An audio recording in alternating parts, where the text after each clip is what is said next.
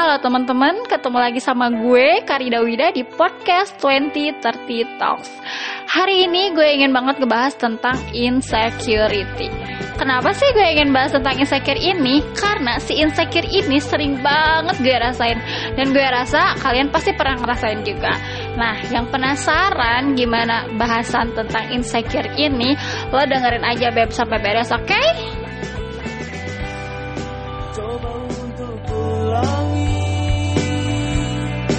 Apa yang terjadi. Harapkan datang lagi. Semua yang pernah terlalui. Bersama alam menempuh malam. Walau tak pernah ada kesempatan. Terjebak dalam jerat mengikat namun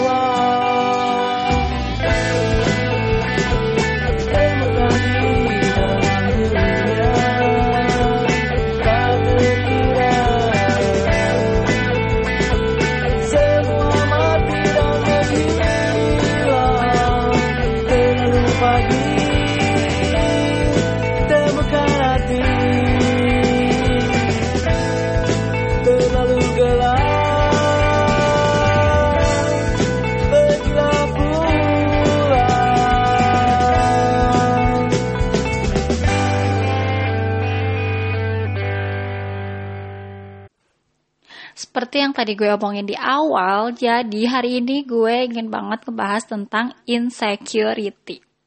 Kenapa gue ingin ngebahas tentang insecure ini? Ya itu tadi, insecure ini hampir setiap kali, nggak setiap kali, mungkin sering lah intensitasnya sering banget gue rasain. Dan gue rasa kayaknya setiap orang juga pernah mengalami fase-fase insecure. Terutama ketika, yang pertama, menemukan lingkungan baru. Yang kedua, menemukan kegiatan baru atau menemukan suatu aktivitas yang mungkin asing dan gak pernah dilakukan itu kayak merasa insecure. Dan ketiga, ketika dia melihat seseorang yang mungkin expertise-nya jauh lebih wah gitu. Nah biasanya itu kayak dengan sendirinya orang merasa insecure. Menurut gue, insecure ini adalah hal yang wajar. Karena jangan salah loh, orang-orang yang kelihatannya percaya diri atau orang-orang yang kelihatannya wah banget itu di dalam dirinya tuh kayak pasti ada masa-masanya dia merasa insecure. Jadi menurut gue ya insecure ini adalah hal yang biasa tapi kita harus bisa mengelola si rasa insecure ini supaya jangan keluarnya tuh kayak jadi negatif gitu loh.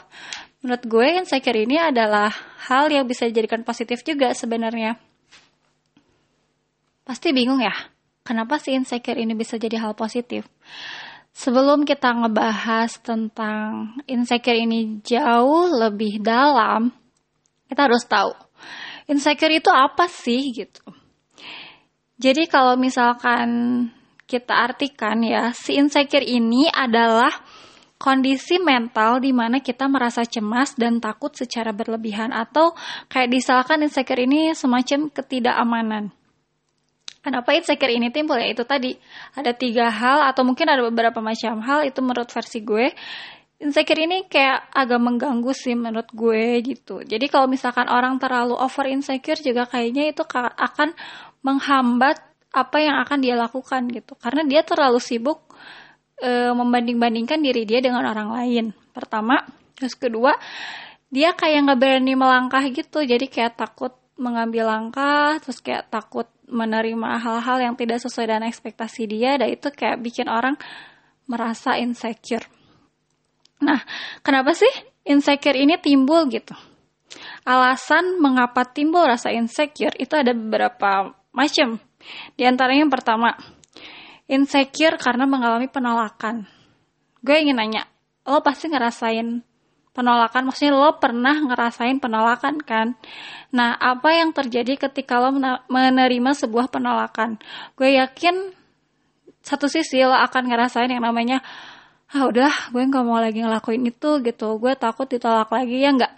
Contoh, itu kayak uh, kita ibaratkan misalkan lo nembak orang, terus uh, lo mengal lo berekspektasi terhadap orang itu banyak istilahnya lo berharap lebih lo bisa diterima oleh orang itu. Nah ternyata mm, lo setelah mempersiapkan banyak hal gitu terus lo juga berharap banyak ketika lo nembak terus lo ditolak itu rasanya gimana sih? Pasti awalnya lo ngerasa insecure kan takut lagi kan takut lagi menerima penolakan takut lagi uh, nantinya tidak sesuai dengan ekspektasi. Nah itu adalah salah satu rasa yang timbul uh, insecure itu timbul karena salah satunya penolakan. Ada beberapa hal yang membuat si rasa insecure itu timbul. Jadi yang pertama, insecure itu timbul bisa jadi karena penolakan. Gue contohin nih, misalkan lo naksir seseorang. Nah, terus lo kayak berusaha untuk Nah, terus lo berusaha ngedeketin dia dengan sangat rapi lah gitu kan, step by step, menurut versi lo, lo merasa udah maksimal banget nih memberikan apa yang gue bisa berikan gitu. Terus kan kayak di situ lo pasti berharap banyak ya gak sih? Nah, ketika lo udah, oke okay, gue pede nih, gue ingin nembak orang itu, dan ternyata, dan ternyata, gue panjang nih, ternyata lo malah menerima penolakan dari orang tersebut. Gimana dong rasanya? Ya enggak? Down gak sih? Pasti lo down kalau lo berekspektasi banyak. Dan gue rasa itu adalah salah satu hal yang membuat si rasa insecure itu timbul. Nah, ketika lo menerima penolakan itu kan kayak ada rasa trauma ya, sedikit trauma gitu kayak, hmm, ya nembak orang itu gue takut ditolak lagi ya gak sih? Bener gak sih? Nah gue rasa itu adalah salah satu hal si penolakan tersebut ya. Penolakan itu bisa membuat rasa insecure seseorang itu timbul. Terus yang kedua insecure ini timbul karena memang kita kehilangan percaya diri. Percaya diri di dalam sebuah lingkungan. Kenapa sih orang kayak krisis percaya diri gitu ya Menurut gue, orang mengalami krisis percaya diri itu biasanya ya, biasanya si percaya diri ini jadi tidak timbul karena seseorang selalu membandingkan diri dia dengan orang lain. Menurut gue ya, e, membandingkan diri dengan orang lain itu kayak ada sisi positif dan negatifnya. Sisi positifnya gitu ketika kita mengcompare diri kita dengan orang lain itu kayak kita akan mengukur parameter sebuah kesuksesan kita cie kesuksesan gak kesuksesan juga sih kayak semacam uh, ada kan kayak istilah rumput tetangga selalu lebih hijau itu kayak emang kebiasaan banget sih orang berpandangan kayak gitu. Nah ketika kita mengcompare diri kita dengan orang lain kalau kita menanggapinya dengan hal positif itu akan menjadi motivasi gitu Nah, sebaliknya kalau misalnya kita menanggapinya dengan hal negatif, si compare-compare kayak gini tuh kayak kita membandingkan diri dengan orang itu malah bukannya kita termotivasi, justru malah bikin kita jadi down. Nah ini yang nggak boleh banget sebenarnya. Jadi jangan sampai ketika kita mengcompare kita dengan orang lain kita menyikapinya dengan hal negatif karena hal tersebut adalah salah satu hal yang membuat si insecure itu timbul juga. Nah yang ketiga insecure ini timbul karena sifat perfeksionis. Kenapa sifat perfeksionis bisa bikin insecure itu timbul? Jadi hmm, semacam kayak gue sering banget temuin orang yang ambisius banget ya termasuk uh, apa ya kayak orang-orang yang gue harus jadi orang nomor satu orangnya superior tuh gak mau terkalahkan gak mau tersaingi gitu kayak uh, itu tuh kalau misalkan ketika dia tidak bisa menjadi orang nomor satu biasanya dia down dan dia mulai insecure itu adalah salah satu hal juga yang membuat insecure itu timbul jadi ya itu itu tadi sih maksudnya kayak pertama mengalami penolakan, kedua krisis percaya diri, dan ketiga juga sifat perfeksionis bisa bikin orang insecure. Nah, uh, si insecure ini sebenarnya kayak tergantung sih orang menyikapinya dengan hal positif atau negatif gitu. Emang kayak menurut gue insecure ini adalah hal yang biasa, cuman kebanyakan insecure ini malah bikin orang kayak kalah sebelum berperang gitu loh. Jadi kan kayak nggak baik juga kalau misalkan kita kita sering ngerasa insecure dan kita tidak bisa menanggapi insecure itu dengan baik ya malah jatuhnya jadi orang yang sering nggak mau melangkah terus orang yang takut melangkah.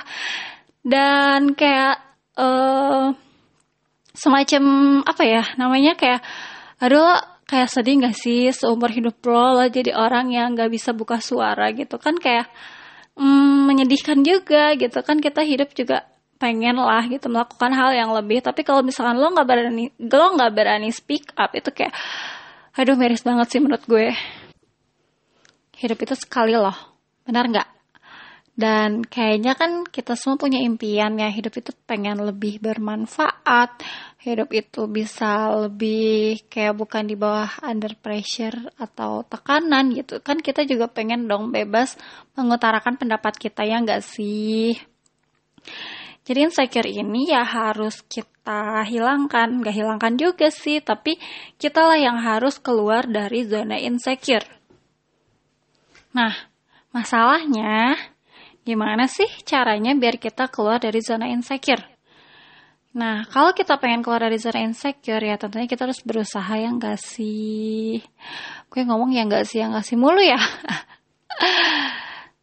ya insecure itu wajar sih, cuman kita kan harus pintar-pintar mengelola hal yang baik dan hal yang kurang baik untuk diri kita gitu. Termasuk si insecure ini. Biasanya ya kalau misalkan gue insecure itu ya karena tiga hal tadi sih gitu. Tapi kan kita kayak nggak bisa gitu diikat sama rasa insecure dan kita nggak bisa gitu terkurung di zona insecure. Kenapa? Karena insecure ini kan uh, bikin menghambat apa ya kayak kreativitas kita terus menghambat jika kemajuan untuk diri kita gitu ya. Kalau misalkan lo orangnya flat dan lo cuman pengen hidupnya kayak gitu aja ya nggak masalah sih. Mungkin ya udah gitu. Gue nggak perlu berpendapat ya udah gue pengen jadi orang kayak gini terus orang yang pasif gitu ya udah gitu. Tapi kan nggak uh, semua orang pengen jadi orang yang pasif gue yakin sih di dalam hatinya dia juga pengen lebih aktif gitu. Cuman masalahnya apakah dia bisa keluar dari zona insecure tersebut atau enggak itu kan tergantung dia juga. Nah sekarang cara keluar dari zona insecure ini ya kuncinya ada dari lo gitu. Pertama ya kalau lo ingin membuang rasa insecurity itu lo harus berani sih yang pertama. Lo harus berani menyatakan bahwa lo gak seperti yang lo pikirin ataupun lo gak seperti apa yang orang lain pikirin gitu. Lo kebayang gak kalau misalkan semua orang merasa insecure itu gak akan ada yang namanya inovasi yang gak sih? Ya kan? Uh, anggap aja orang-orang yang menemukan sesuatu yang baru gitu kan terus dia nggak berani speak up dia nggak berani muncul ya sampai kapan pun kita akan merasakan gitu sih. Apa yang dia apa yang dia lakukan inovasi dia itu kayak ya udah contoh aja misalkan siapa sih penemu listrik? Thomas Alva Edison ya. Nah, kalau misalkan si Thomas itu, si Thomas, Bapak Thomas kali ya. misalkan yang penemu listrik ini nggak berani mengemukakan penemuannya, nggak berani speak up, ya sampai kapan pun kita akan hidup tanpa listrik mungkin kali ya. Nah, makanya untuk menjadi orang yang berbeda, kita harus berani speak up. Tuh. Nah, untuk kita timbul rasa berani untuk speak up, berarti kan speak up, mohon maaf, ya berarti kan kita harus melawan diri kita sendiri gitu. Karena sebenarnya musuh terbesar itu ada diri kita sendiri sih. Kalau lo bilang musuh terbesar lo adalah orang lain itu nggak sepenuhnya benar juga sih. Karena sebenarnya musuh yang paling besar itu ya diri kita sendiri. Orang itu orang lain itu akan mengikuti sih sebenarnya gitu. Cuman kan kita adalah seperti apa yang kita pikirkan gitu. Jadi kalau misalkan mindset kita kuat diri kita kuat ya orang lain akan mengikuti apa yang kita tunjukkan kepada orang lain gitu. Cuman kalau misalkan lo menganggap bahwa lo adalah musuh diri lo sendiri dan lo nggak bisa melawannya ya udah gitu. Udah aja kayak gitu terus orangnya gitu. Selalu berpikiran bahwa uh, lo itu nggak bisa gitu. Sempit aja gitu pemikirannya. Dunia itu luas bumi itu bulat. Apa sih? Ya atlas kali. Ya gitulah. Jadi lo nggak boleh berpikiran sempit sih gitu lo jangan Pertama sih lo jangan mengklaim atau menjudge diri lo itu sesempit itu bos. Lo itu adalah bos untuk diri lo sendiri. Jadi ya baik buruknya lo, positif negatifnya lo, maju enggaknya diri lo itu kan lo yang menentukan gitu, bukan orang lain. Kalau lo terlalu mendengarkan, lo terpengaruh dengan apa yang orang lain omongin tentang lo gitu atau apa yang orang lain lihat tentang lo yang belum tentu sebenarnya tuh kayak benar sepenuhnya ya. Karena kadang-kadang kita sih keseringannya suka overthinking gitu ya gak sih? Ya. Nah sebelum lo berpikir ke sana ke sini lebih baik ya lo kuatin dulu aja sih mindset lo lo kuatin dulu pemikiran lo bahwa lo itu hebat bahwa lo itu lebih dari apa yang lo pikirin. Kita kan nggak tahu ya nggak sih. Jadi ya harus berani sih pertama. Lo harus berani melawan diri lo sendiri. Lo harus berani keluar dari zona insecure itu dan lo harus yaudah berpikiran positif. Gue pasti bisa, bisa, bisa dan bisa. Kalau lo berpikiran positif tentang diri lo sendiri, itu kayak semacam jadi sugesti sih, dan sugesti itu bisa memberikan sebuah charge yang sebuah charge yang bikin kita semangat gitu, kita termotivasi, kita juga berusaha gitu untuk mencapai sesuatu yang kita inginkan gitu. Jadi ya lo harus bisa memberikan energi positif sih minimal ya buat diri lo sendiri supaya si energi positif itu bisa menular untuk orang lain juga dan orang-orang sekitar lo gitu. Tapi gue nggak memungkiri sih kadang-kadang mata sinis orang-orang bikin kita down. uh, terutama buat kita cewek yang sering baperan ya nggak sih? Kadang-kadang kayak pandangan sinis-sinis orang itu kayak ah udahlah gue nggak mau maju gitu ya gue paham sih gue juga ngerasain banget gitu ketika ada orang yang bermata sini sama lo itu kayak ngejatuhin mental banget ya gak sih aduh repot sih cuman yang harus kita lakuin ya diri kita sendiri dulu sih yang harus dikuatin gitu. Lo jangan terpengaruh dengan apa yang lo lihat gitu.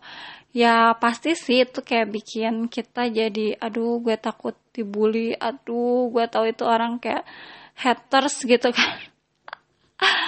Cuman ya ya udah gitu kan. Uh, orang tuh kayak gak akan tahu siapa kita kalau misalkan kita nggak berusaha menunjukkannya juga gitu yang harus lo fokusin di sini adalah diri lo sendiri. Sebelum lo memikirkan pandangan orang, sebelum lo memikirkan uh, komentar orang dan lain-lain. Apalagi kayak di dunia sosial media itu kan kayak aduh serem sih gitu. Cuman ya udah kan kalau misalkan kita selalu mendengarkan hal negatif itu kan akan menjadi sugesti yang negatif juga. Jadi kita harus berusaha untuk membuat semua itu menjadi positif gitu. Jadi kesimpulannya, kalau lo merasa terganggu dengan mata sinis orang, ya baiknya ya udah gitu kan. Lo harus mencari orang-orang yang bermata bersinar-sinar. Maksudnya apa sih? Maksudnya orang-orang yang antusias sama lo orang-orang yang mau dengerin lo ya udah lo terfokus aja sama orang-orang tersebut supaya mood lo tuh nggak berantakan gitu loh. Jadi lo jangan terfokus terhadap orang yang nggak suka sama lo. Setiap maksudnya bukan setiap orang sih. Maksudnya orang-orang yang tatapannya sinis gitu sama lo nggak usah lah terfokus sama mereka. Karena kalau misalkan lo selalu melihat mereka lo akan timbul terus rasa insecure itu gitu. Jelaskan sesuatu yang negatif itu input negatif akan menghasilkan output yang negatif. Jadi ya kita sering-sering lah mencari input-input yang positif supaya keluar outputnya di diri kita juga positif gitu. Gue kebanyakan ngomong gitu ya. sorry sorry. Ya begitulah gitu. Gitu lagi. Jadi ya kalau gue pribadi sih gue lebih nyaman mencari lingkungan yang bisa mendorong dan memotivasi gue untuk maju gitu. Jadi uh, semacam gue memfilter gitu. Gue mengelompokkan teman-teman bukan mengelompokkan juga. Jadi gue punya istilahnya tim supporter, Bo. Dari misalkan teman rumah, terus teman sekolah, teman kuliah, teman main, terus teman kerja dan lain-lain. Gue memfilter mana-mana orang yang gue masukin menjadi tim supporter gue. ya gitu gitu karena gue lebih baik menjaring, gue lebih baik meminta dukungan sama orang tersebut. Maksudnya meminta dukungan dalam artian ketika gue membuat sesuatu atau ketika gue melakukan sesuatu, gue akan meminta doa. Terus gue juga meminta nasihat dan gue meminta semangatnya dari mereka karena menurut gue semangat dari mereka itu sangat sangat berarti buat gue makanya ya termasuk podcast ini gue kayak minta support teman-teman gue buat nge-repost buat ngeposting buat dengerin gitu. Karena menurut gue support mereka tuh sangat-sangat berarti. Itulah yang bikin gue merasa semangat gitu. Itulah bikin gue merasa oke okay, gue harus tetap maju gue harus tetap maju gue harus tetap maju. Kayak gitu sih gitu. Ya gitu sih. Kayaknya segitu dulu aja ya bahas tentang insecure karena kalau misalkan ngebahas tentang insecure ini sebenarnya bahasannya banyak banget sih gitu. cuman gue bikin dulu satu episode tentang self developmentnya jadi semoga si insecure ini bisa bikin uh, lo menjadi apa ya sesuatu yang jadi hal yang positif lah gitu.